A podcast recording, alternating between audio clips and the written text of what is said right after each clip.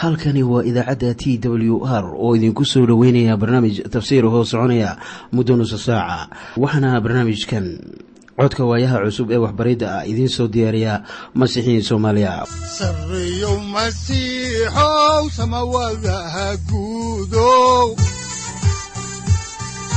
Siraadkii adduunkow subanaha eebow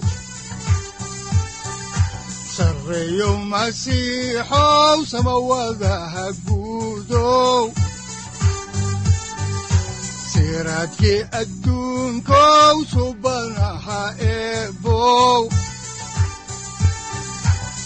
adigoo samada jiro ifkaan soo saldhiganba adigoo soo saldhiganba kutubtiisanaye wuxunogu saaciiday sharxin sifahaaga kutubtiisinayo ebnagu saaciid sharxin sifahaaga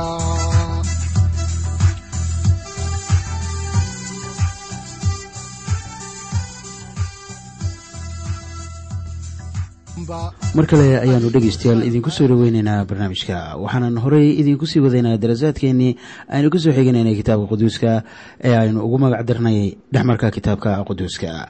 Waxaanu ku jiray kitaabka baxniintii waxaanan idin akhriyeynay cutubka saddexiy soddonaad. Cutubkan saddexiy soddonaad waxaa ku qoran dhowr maado ama mawduuc waxaana ugu horreeya kow ammaanta ilaah oo la geynayo xerada dibaddeeda labo reer binu israa'iil oo weli gunuunsaya saddex rabbiga oo muuse la hadlaya iyo afar muuse oo iminka jeclaystay inuu arko ammaanta rabbiga balse inta aynan idin bilaabin barnaamijkeenna caawa aynu wada dhegaysanno qhasiido ilaah ammaana oo ay inoogu luuqeeyaan culimo soomaaliya oo masiixiyiin ah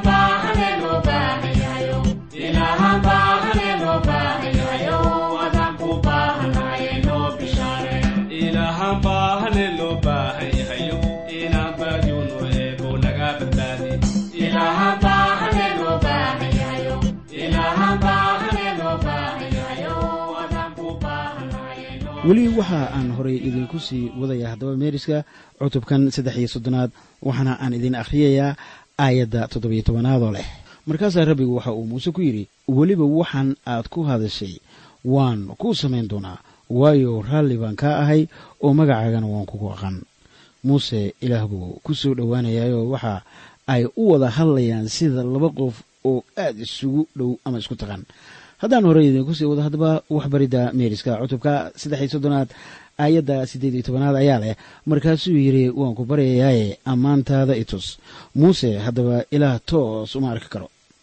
Haddaan horey idinku sii wado haddaba meeriska aayadda sagaal iyo tobanaad ayaa waxa ay leedahay isna waxa uu ku yidhi wanaagayga oo dhan ayaan hortaada soo marin doonaa oo magaca rabbiga ayaan hortaada ku naadin doonaa oo waan u roonaan doonaa kii aan doono inaan u roonaado waanan u naxariisan doonaa kaan doonayo inaan naxariisto. Bawlos waxa uu soo xiganayaa haddaba aayaddan sagaal iyo tobanaad markii uu lahaa sidau ku qoran roma cutubka sagaal iyo tobanaad aayadda shan iyo tobanaad. Wuxuu muuse ku yidhi oo waan u roonaan kii aan doonayo inaan u roonaado waanan u naxariisan kii aan doonayo inaan u naxariisto weli waxaanu ku jiraa haddaba meeriska cutubka saddex iyo soddonaad waxaana aan idin akhriyaynaa aayadda labaatanaad waxaana qoran ama qorniinku leeyahay sidatan. Oo waxa uu yidhi adigu weligay i arki kari maysid waayo dad i arkaa noolaan maayo. Haddaba waa dhab saaxiibayaal ninna ilaah uma arki karo fuulka fool. Weli meeriska cutubka ayaan idiin akhriyayaaye waxaa ku qoran aayadda koob iyo labaatanaad ilaa tan saddex iyo labaatanaad ee isla cutubkan saddex iyo soddonaad ee kitaabka baxniintii sida tan. Markaasaa rabbigu waxa uu yidhi bal eeg meel baa agtayda ah oo waxaad isku taagi doontaa dhagax weyn oo markii ay ammaantaydu ku ag marayso waxaan ku gelin doonaa meel dhagaxa ka dilaacsan oo gacantaydan kugu dabooli doonaa ilaa aan ku dhaafo oo haddana waan ka qaadi doonaa. Waxaanaad arki doontaa dhabarkayga laakiinse wejigayga la arki maayo waxaan haddaba cutubkan saddex iyo soddonaad ku aragnay in ammaanta rabbiga ay u taagan tahay rabbiga. Ciise masiix oo sii waxyanaya marka uu soo noqonayo. Ayaa waxa uu yidhi sida ku qoran injiilka sida matayos u qoray cutubka afar iyo labaatanaad aayadda soddonaad waxaa cirka ka muuqan doonaa calaamadda wiilka aadanaha. Markaas ayaa qolo'inka dhulka oo dhan u barooran doonaan oo waxa ay arki doonaan wiilka aadanaha oo daruuraha cirka ku imanaya. Isagoo oo leh xoog iyo ammaan weyn. Marka la leeyahay xoog iyo ammaan weyn ayaan hubaa in ammaantu tahay ammaantii sakina sida ku qoran cutubka saddex iyo soddonaad aayadaha koob iyo labaatan ilaa saddex iyo labaatan. Marka ciise masiix qaatay jir aadaminimo ayaa uu ammaantii gees iska dhigay laakiin isagu waa masiixa iyo wiilka ilaah. Sababtaa ayaa uu u leeyahay kii anigay arkay wuxuu arkay ilaah. Haddaba waa inaannu mid maanka ku hayno. Ilaah arki mayno waxaanse la mid noqonaynaa isaga. Sida ku qoran warqaddii koowaad ee yuxanaa cutubka saddexaad aayadda labaad markaasoo uu lahaa yuxanaa gacalayaalow iminka waxaynu nahay carruurtii ilaaho weli waxaynu noqon doonno lama muujin laakiinse waxaynu ognahay in goortuu muuqdo aynu noqon doonno sidiisa oo kale. Waayo waynu arki doonnaa isaga sida uu yahay. Taasina waa rajada ay leeyihiin masiixiyiinta raacsan ciise masiix. Waxaana ay rumaysan yihiin inay marun isaga arki doonaan. Haddaan haddaba cutubkii saddex iyo soddonaad iyo faalladii ka dambeysay intaa ku dhaafno ayaannu idin bilaabaynaa cutubka afar iyo soddonaad. Mawduuca cutubkan afar iyo soddonaad ee kitaabka baxniintii waxaa ku qoran dhagixii tobanka wasiyadood ay ku qoraayeen oo la soo cusboonaysiiyey magacii rabbiga oo la naadiyey iyo muuse oo wejigiisii iftiimay. Ka gadaal markii uu arkay ilaah waxaana aan ku hormaraynaa maadada khusaysa ama ku saabsan looxa sharciga oo la cusboonaysiiyey. Haddaan markaa qisada idiin bilaabo ayaa waxa aan doonayaa inaan la soo kala baxno meeriska cutubka afar iyo soddonaad aayadaha hal ilaa afar waxaana qoran saaxiibayaal sidatan. Markaasaa rabbigu waxa uu muuse ku yidhi waxaad soo qortaa laba loox oo dhagax ah oo kuwii hore u eg oo waxaan looxyada ku qori doonaa ereyadii ku qornaa looxyadii hore oo aad jejebisay oo subaxda diyaar ahow oo buur siinaay subaxda soo fuul oo halkaa buurta dusheeda ah iigu kaalay oo ninna yuusan kula soo fuulin oo buurta dhan yaan ninna lagu arkin oo adhi iyo lo'toona yaanay buurta horteeda daaqin. Markaasuu qoray laba loox oo dhagaxa oo kuwii hore u eg. kolkaasuu muuse aroor hore kacay oo buur siinaay fuulay sidii rabbigu ku amray oo gacantana waxa uu ku qaatay laba loox oo dhagaxa. Kuwan haddaba muuse uu gacanta ku sido waa labadii loox ee dhagaxa ahaa oo cusbaa kuwii hore muuse ayaa jejebiyey markii uu ka soo degay buur siinaay ee uu arkay in reer binu israa'iil ay samaysteen weel dahaba oo bilaabeen inay caabudaan ama ay sujuudaan. Iminkana muuse waxa uu soo qaatay laba loox oo dhagaxa oo aan waxba ku qorayn. Wuxuuna subaxda hore korayaa buur siinaay sidii ilaah ku yidhi marka ay inta joogto waxaannu iminka soo gaaray maaddada labaad oo ah in magaca rabbiga la naadiyo. Maadaama aan ku jirno iminka cutubka afar iyo soddonaad ee kitaabka baxniintii oo ah kitaabkii labaad ee muuse addoonkii rabbiga ayaan idin akhrinayaa aayadda shanaadoo leh. Markaasaa rabbigu daruurtii ku soo degay oo halkaa isla taagay oo waxa uu naadiyey magaca rabbiga. Arrin aad u yaab badan ayaa dhacay oo ilaah ayaa dadka baraya magaciisa haddaba magac micno weyn ayaa uu leeyahay. Maxay kula noqotaa markii aad maqasho magaca sida abraham lincoln maxaa u qaadataa sidii uu ekaa iyo qaabkiisii iyo hadalkiisii laga qoray? Ayaad ka fikirtaa soo maa ilaah baa iminka dadka reer binu israa'iil isbaraya oo waxa uu doonayaa inay xusuusnaadaan isaga. Haddaan caaway markaa ee horey idiinku sii wado meeriska kitaabka baxnayntii ayaan idiin akhriyayaa iminkana aayadda lixaad iyo tan toddobaad waxaana qorniinka quduuska ahi leeyahay sida tan kolkaasaa rabbigu hortiisa maray oo naadiyey isaga oo leh waxaanahay rabbiga rabbiga oo ah ilaaha raxmad iyo roonaan badan oo cadho u gaabiyo oo naxariis iyo run badan oo kumaankum u naxariista oo xumaanta iyo xadgudubka iyo dembiga dhaafa. Laakiin aan sinaba u caddayn inkan dembiga galay aanu eed lahayn oo xumaantii awowayaasha soo gaarsiiyey carruurta iyo carruurta carruurtooda tan iyo farcanka saddexaad iyo kan afraadba haddaba ilaah naxariista ma fidiyo isagoo uu welibana eeddii qofka galay uu indhaha ka qarsanayo. Waxaana uu leeyahay waan iloobayaa dembigaas isaga ah. Laakiin eeddiina waa in wax laga qabto. Ilaah marnaba dembigii la galay ee reebay eel aan harin iskama iloobo kaba soo qaad qof baa dishay markaasaa tidhi ilaahoy cafi ma suurtoodo. Qofkii aad gardarrada ku dishay oo aad waalidkii gablanka ka dhigtay oo aad ilmihiisii agoonta ka dhigtay ilaah kuu cafin maayo iyadoo aadan takhsiirteeda bixin. Su'aasha laysweydiinayo ayaa markaa waxa ay tahay sidee buu naxariis u fidiyaa? Haddana dembiga loo canaananayaa waayo qurbaan ayaa dembiga loo bixinayaa dembiyada aadmiga ka dhaca waa badan yihiin. Kuwa waxbixinta waxaa ka mid ah dembiyada sida xadgudubka dadka ka dhaca ee ah beensheegidda xatooyada damaca iyo sinida kuwaas waxbaa loo bixinayaa. Ilaa horey ayaa uu u sheegay oo waxa uu yidhi ninkii nin dila waa in la dilaa ha yeeshee marka ay joogto badbaadada nafta. Baryahaas lama haynin tii ku habboonayd in la daboolo dembiga awgeed. Waxaase la helay allabariga kaamilka ah markii ciise masiix yimid dunida oo dhimashadiisii isku tallaabta ayaa qiil buuxa oo furasho u keenay insaanka haddaan horey idiinku sii wado haddaba dhegaystayaal meeriska ayaa waxaa ku qoran. Haddaan idiinku celinno. Isla cutubkan afariy soddonaad ee kitaabka baxnayntii aayaddiisa toddobaad sida tan. Oo kumaankum u naxariista oo xumaanta iyo xadgudubka iyo dembiga dhaafa laakiin aan sinaba u caddayn in kan dembiga galay aanu eed lahayn. Oo xumaantii awooyaasha soo gaarsiiya carruurta carruurteeda tan iyo farcanka saddexaad iyo kan afraad waa wax wanaagsan in ilaah noo sheegay in uu dembiyada xusuusto. Qarni ilaa qarni oo la soo gaarsiiyo farcanka afraad. Taasi waxa ay ka dhigan tahay in ilaah aad u necab yahay xadgudubka dadka. Marar badan ayaan la sheekaystay haddaba dhakhaatiirta maskaxda waxaanan ogaaday in dad badan ay helaan cudurrada maskaxda ku dhaca iyaga oo ka soo qaaday ama ay u soo gudbiyeen waalidiinta. Waxaad maqlaysaa hebel sokor buu qabaa isaga iyo ilmihiisa. Markaasaad leedahay halkee buu ka keenay sokorta markaasaa lagugu leeyahay waa cudur abka ab qoyskoodu ay qabeen. Markaa saaxiibayaal ilaah waxa uu eedda ama xadgudubka soo gaarsiiyaa abka ab. Weli waxaanu ku jiraa haddaba meeriska cutubka afar iyo soddonaad waxaana aan idin akhriyayaa aayadaha siddeed ilaa sagaal. Waxaana qoran sida tan. Markaasaa muuse intuu dhaqsaday uu sujuuday oo caabuday. Kolkaasuu wuxuu yidhi haddaba rabbiyow balna dhex soco oo naga cafi xumaantayada iyo dembigayaga waayo dadkanu waa dad madax adag oo annaga dhaxal ahaan noo qaado. Waa markii afraad haddaba oo dadkan loogu yeerayo dad madax adag. Ilaa iyo hadda waxa ay kuula muuqanaysaa dadkani inay ilaah weli rumaysan oo aanay badbaadin. Bilxaqiiqa sida aad arki doontaan waa dad madax adag oo marar badan ayaay muuse oo ahaa addoonkii rabbiga talooyinkiisii ka soo horjeesteen oo fariimihii ilaahna diideen. Habase yeeshee iminka waxaanu eegaynaa maaddo kale waana in ilaah hawshii muuse soo cusboonaysiiyey. Si aan markaa hawshan muuse loo soo cusboonaysiiyey wax kaga ogaano ayaanu eegaynaa dhegeystayaal meeriska cutubka afar iyo soddonaad aayadda tobanaad.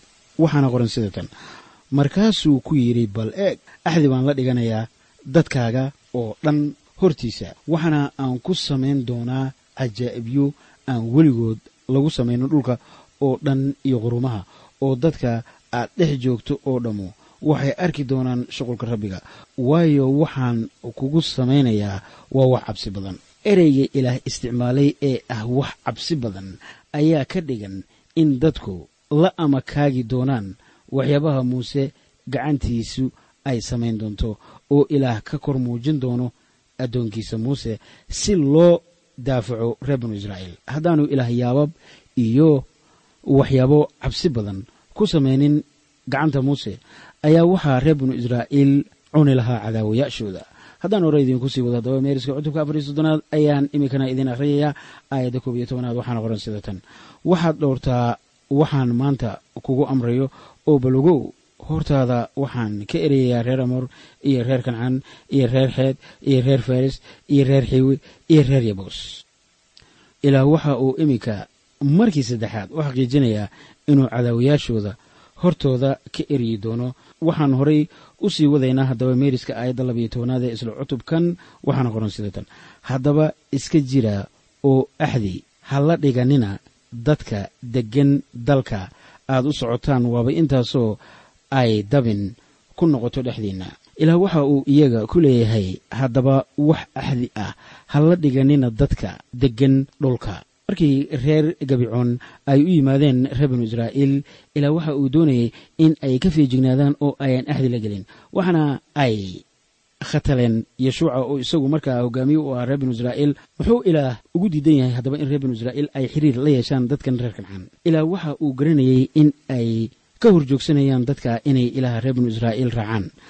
Haddaan horey idinku sii wado markaasi xalkaa aan idinku faahfaahayo ayaa waxaa ku qoran cutubka afar iyo soddonaad aayadaha saddex iyo toban ilaa afar iyo toban sida tan. Laakiinse waa in aad dumisaan meelahooda labariga oo burburisaan tiirarkooda oo goysaan geedahooda asheeraa waayo idinku waa inaydan caabudin ilaah kale.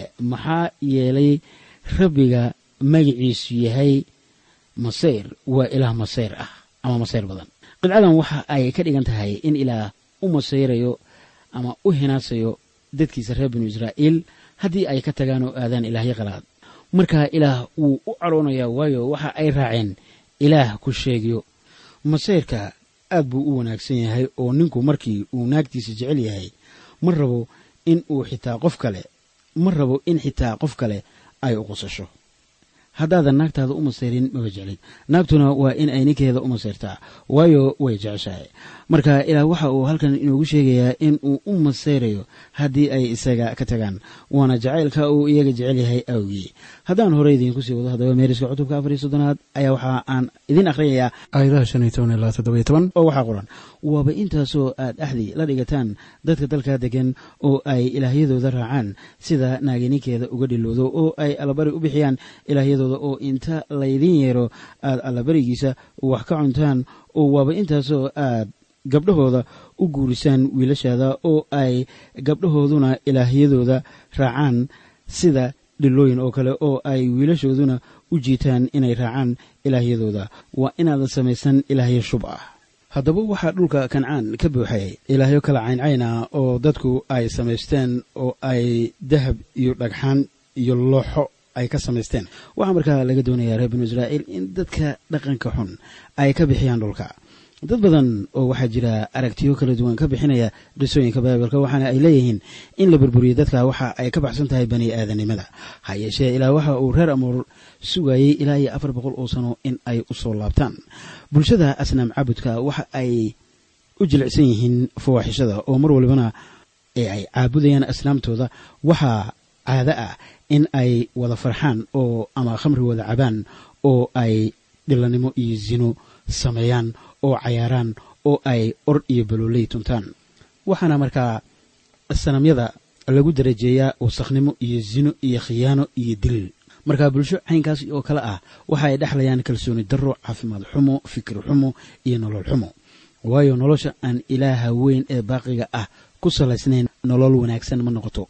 Ilaa waxa uu uga sii digayaa oo waxa uu ku leeyahay gabdhihiinna ha u guuranina waayo waa qurun balaaya ku dhacday eh wiilashiinana ha u guuranina gabdhahooda. Ilaa waxa uu ka difaacayaa dadkiisa dhibaatooyinka fawaaxishada si markaa aanay ugu lumin. Oo hadhowna ay noqdaan sida dadka kale. Ilaah marnaba sooma dhoweeyo dembi waayo waxa uu garanayaa dhammaadkiisa. Haatanna aynu eegno maadada kale ee ah iyada oo israa'iil loo sheegayo wakhtiyada ciidaha iyo sabtiyada ah haddaan horey idinku sii wado haddaba cutubkan afar iyo soddonaad ayaan haatanna akhriyaynaa aayadda siddeed iyo tobanaad waxaana qorniinku leeyahay sida tan. Waa inaad dhowrtaan iidda kibista khamiirka aan lahayn oo toddoba maalmood waa inaad cuntaan kibis aan khamiir lahayn. Sidii aan kugu amray wakhtigii la yidhi ee bishii abiib ahayd. Maxaa yeelay bishii abiib ayaad masar ka soo baxday. Ilaaha israa'iil waxa uu u diyaarinayaa haddaba. Reer binu israa'iil markaad eegto aayadda sidii ay dhulka ku geli lahaayeen iyadoo uu markaa dib loo dhaqangelinayo iminka maalinta sabtida maadaama haddana rabbigu looxan cusub uu ku qorayo sharciga. Waxaan haddaba gadaal ugu dhaadhacaynaa aayadda saddex iyo labaatanaad oo leh sannadiiba saddex goor waa in ay labkiinna oo dhammu. Ka hor yimaadaan rabbiga ilaaha ah oo ah ilaaha reer binu israa'iil. Ilaah waxyaabo badan ayaa uu ka mamnuucayaa waxyaabaha kalena waa u sasaxayaa. Waxaana idiin akhriyaynaa iminka aayadda shan iyo labaatanaad ilaa lix iyo labaatanaad ee cutubkan afar iyo soddonaad. Waxaana qoran waa inaydan dhiigga allabarigayga la bixinin kibis khamiir leh oo waa inaan allabariga iidda kormaridda ilaa subaxda la gaarsiinin. Dhulkiinna midhaha ugu horreeya waa inaad inta hore rabbiga ilaahiinna u geysaan waana inaydan waxar caanaha hooyadeed ku karinin. Marka la leeyahay waa inaydan waxar ku karinin caanaha hooyadeed ayaa loo jeedaa in beryihii hore ilayn caano weyto ma aanay jirine inta caanaha la karkariyo hilbaha lagu karsan jiray. Marka ilaah waxa uu leeyahay waxyaabaha aan loo baahnayn ka dheeraada aalaaba weli meeriska ayaa horey idiinku sii wadaynaaye dhegaystayaal waxaana aan idin akhrinaynaa cutubka afar iyo soddonaad aayadaha sagaal labaatan ilaa shan iyo soddon. Waxaana qoran sida oo markii muuse buur siinaayey ka soo degay isaga oo labadii loox oo maragga gacanta ku sita intuu buurta ka soo degayey muuse ma uu ogeyn in uu dubka wejigiisu la dhalaalayay? Hadalkii uu kula hadlay aawadiis. Oo markay haaruun iyo reer binu israa'iil oo dhammu muuse arkeen baleeg dubka wejigiisa wuu dhalaalayay wayna ka cabsadeen inay u dhowaadaan. Markaasaa muuse iyagii u yeeray haaruun iyo la teliyayaashii shirka oo dhan way ku soo noqdeen. Muusena wuu la hadlay. Dabadeetana reer binu israa'iil oo dhammu way u soo dhowaadeen. Markaasuu wuxuu iyagii ku amray kulle wixii rabbiga isaga ugu sheegay buursiinay oo markii muuse dhammeeyey hadalkii uu kula hadlayey ayaa uu indha shareertay. Laakiinse markii muuse rabbiga u galay oo uu is-hortaagay in uu la hadlo ayuu indhashareertii iska fayday ilaa uu soo baxay kolkaasuu soo baxay oo waxa uu reer binu israa'iil u sheegay wixii lagu amray. Oo reer binu israa'iilna way arkeen muuse wejigiisii iyo inuu dubka wejigiisu dhalaalayay. Markaasaa muuse haddana indho shareertay ilaa uu gudaha u galay inuu la hadlo. Haddaba qisadii quruxda badneed ee ku qornayd cutubkan afar iyo soddonaad. Intaas ayaan ku soo ekeynaynaa iminkana waxaan idin bilaabaynaa cutubka shan iyo soddonaad ee kitaabka baxniintii. Cutubkan waxa uu ka kooban yahay dhowr mawduuc waxaana ugu horreeya mawduuca quseeya maalinta sabtida sadaqada ikhtiyaarka ah ee qofku keenayo taambuugga rabbiga base aleel iyo ahooli aab oo iyana loogu yeeray in ay sameeyaan alaabta taambuugga. Waxaana aan ugu horumarinaynaa iyada oo mar kale lagu adkaynayo reer binu israa'iil ahmiyadda ay leedahay maalinta sabtida. Waxaana haddaba aan idiin akhriyeynaa cutubka shan iyo soddonaad aayadda koowaad ilaa tan saddexaad ee kitaabka baxniintii waxaana qoran sida tan. Markaasaa muuse isu soo ururiyey shirkii reer binu israa'iil oo dhan oo waxa uu ku yidhi kanu waa ereygii rabbiga idinku amray inaad yeeshaan. Lix maalmood waa in la shaqeeyaa laakiinse maalinta toddobaad waa in maalin quduusa ay idin ahaataa. Oo waa sabti nasasho oo rabbiga loo nasto. Oo ku alla kii maalintaa shuqul qabta waa in nafta laga qaadaa. Oo maalin kasta oo sabti ah waa inaynaan innaba dab ku shidin rugihiinna oo dhan. Haddaba ilaah maalintii toddobaad ayaa uu shuqulkiisii ka nastay oo dadkii uu abuuray way iloobeen waxaana ilaa haatan taa uu axdi uga dhigayaa dadkiisa. Waxaana uu leeyahay waa in aad maalinta toddobaad oo ah maalin sabti ah ka nasataan hawsha oo welibana waa inaan dab laga shidin guryihiinna maalintaas iyada ah ee sabtida. Haddaba sharcigan waxaa iska leh ama iska lahaa reer binu israa'iil markii ay joogaan dhulkooda. Waayo kaba soo qaad inaan dab la shidin maalin sabti ah dhulka waqooyi ama cirifka waqooyi waxay taasi noqonaysaa in dadka ay qabow u dhintaan. Marka waxaa la leeyahay sharciga waxaa iskale reer binu israa'iil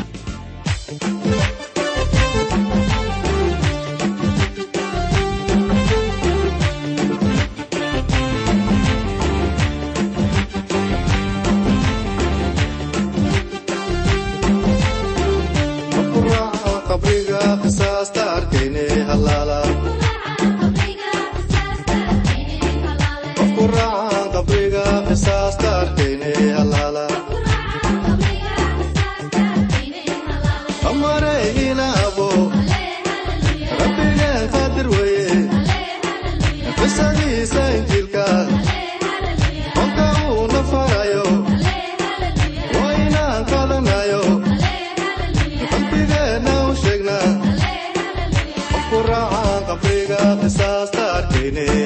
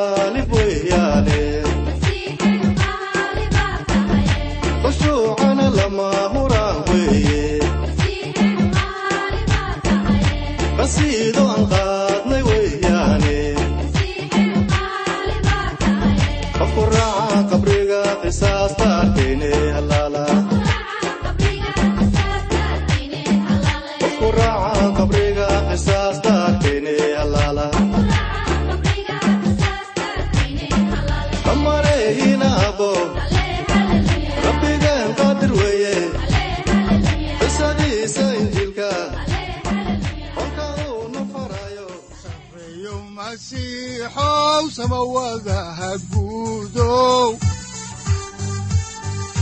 siraadkii adduunkow subanaha eebow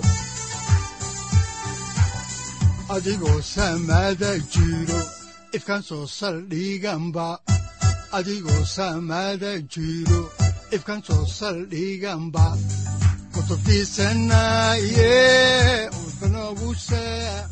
halkani waa t w r idaacadda t w r oo idinku leh ilaa ha idin barakeeyo oo ha idinku anfaco wixii aad caawi ka maqasheen barnaamijka. Waxaa barnaamijkan oo kalea aad ka maqli doontaan habeen dambe hadahan oo kale haddiise aad doonaysaan in aad fikirkiina ka dhiibataan wixii aad caawi maqasheen ayaad nagala soo xiriiri kartaan som t w r at t w r c o k e haddii aad doonaysaan in aad dejisataan oo kaydsataan barnaamijka ama aad mar kale dhegaysataan fadlan mar kale booqo www t w r o r g amase waxaad teleefoonkaaga ku kaydsataa ama ku download garaysataa agabyada ku sahli karaa dhegeysiga t w r haddii aad doonayso in laga kaalmeeyo dhinacyada fahamka kitaabka amase aad u baahan tahay duco fadlan fariimahaaga soo mari bogga aaraahda ama kommentska inana jawaab degdeg ah ayaanu ku soo diri doonaa amase ku siin doonaaye